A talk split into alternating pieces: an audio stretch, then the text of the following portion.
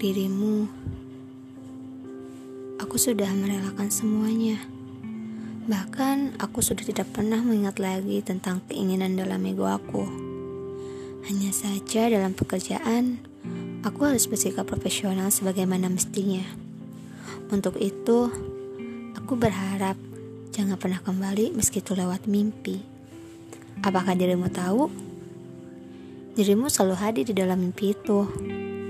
Padahal aku sudah melupakan dan harapan-harapan itu bahkan tidak ada lagi.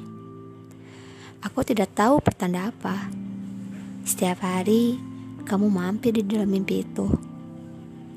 Mungkin itu hanya bunga mimpi saja dan bukan pertanda apa-apa. Aku berharap jangan pernah kembali. Itu saja.